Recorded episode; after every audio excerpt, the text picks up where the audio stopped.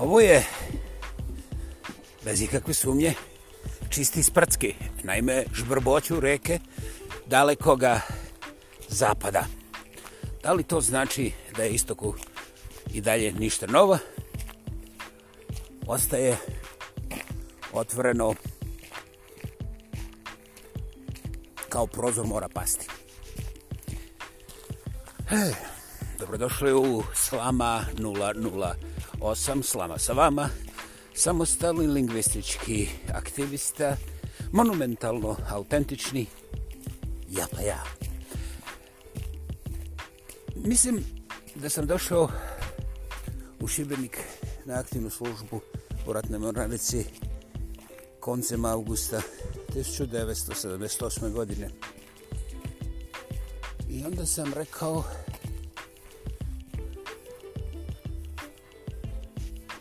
Evo imat ćemo sada smetnje. Ovdje u parku jedna baba svađa se sama sa sobom, možete čuti telefon. Ja ne mogu vjerovati, ali eto, zato ću, zato, ću, zato ću ostati snimat. Ovo, vidjela me sad imamo vizualno. To je posebno zanimljiva priča. Svi držimo telefone, zabudili se. Krasne vremena su došle. Evo ga. Znači, 78. koncem augusta, ja sam se pojavio u Šibeniku. Is it discovered this way? right. Okay. uh, uh, uh, you have to turn right on next intersection. You're welcome. Dakle, evo ga desilo se što se desilo. I te godine sam ja negdje za Božić veselom društvu rekao da se Jugoslavija raspada. Za Božić sa 29. godine to sam ponovio, a Božić 1980. sam dočekao u vojnom zatvoru Niš. Naime, trenirao sam taj sport 8 mjeseci po članu 217 KZSFR je stav 1 i 2. Na stavu 4 i 5 je smrtna kazna. Ja sam došao samo do polovice. Nisam bio junak, nego sam bio ha. Ono što mene fascinira i danas je da mene nikada niko nije pitao a šta se to meni desilo da ja, eto, nagovještao ono što su svi smatrali nemogućim. Koga briga? Ono što je nevažnije, kada su počela da letu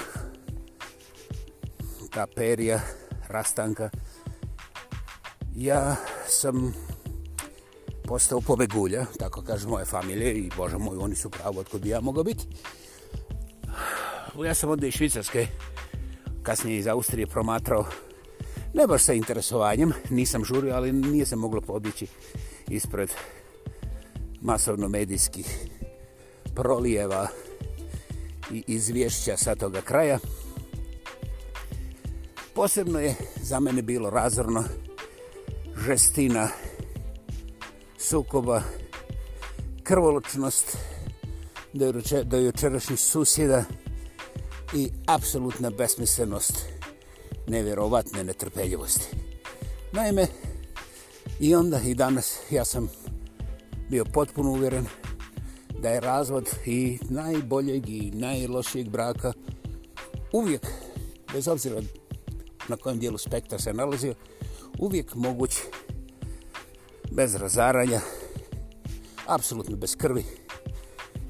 I Bože moj, ako smo barem vjernici, nikakva mržnja nije trebala da igra čak ni u predigri.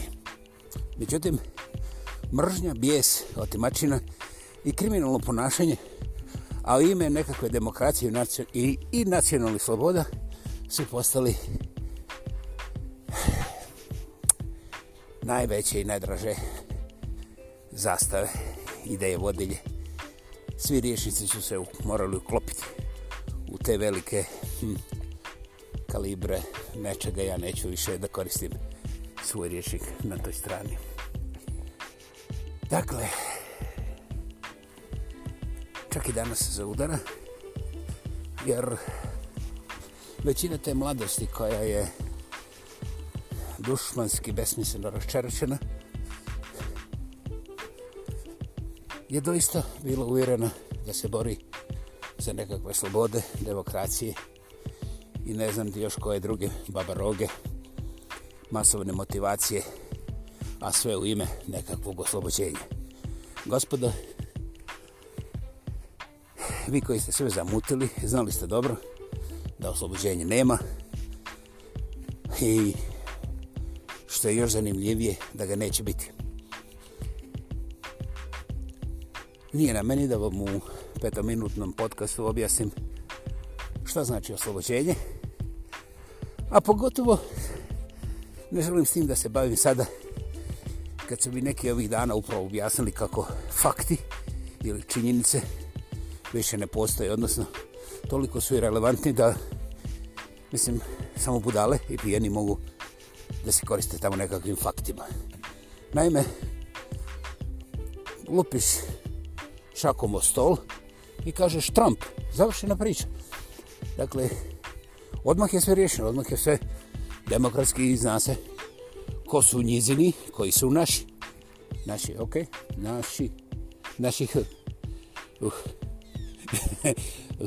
jezika. Dakle, ne treba gledati. Treba samo ići za čoporom koji se tebi sviđa kad se Chopperu kaže ovaj John Wayne, ne John Wayne, nego Wayne Dyer, Gosin, Wayne Dyer kaže svome sinu, a imao ih je osam, kaže, sine, kad ideš sa Chopperom, kaže, toplo je.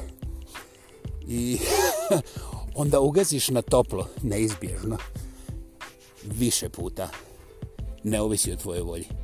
Chopper ima svoja pravila, a ti možeš samo da bulaziš u kojem višem cilju ti gaziš u tome toplom. Dakle, hvala, evo dolazi još jedna spodobu na ovome parko šetalištu. Bio je to slama za vas 008. Hvala gdje god da ste na ovoj planeti. Ćao, čujemo se sljedeći put.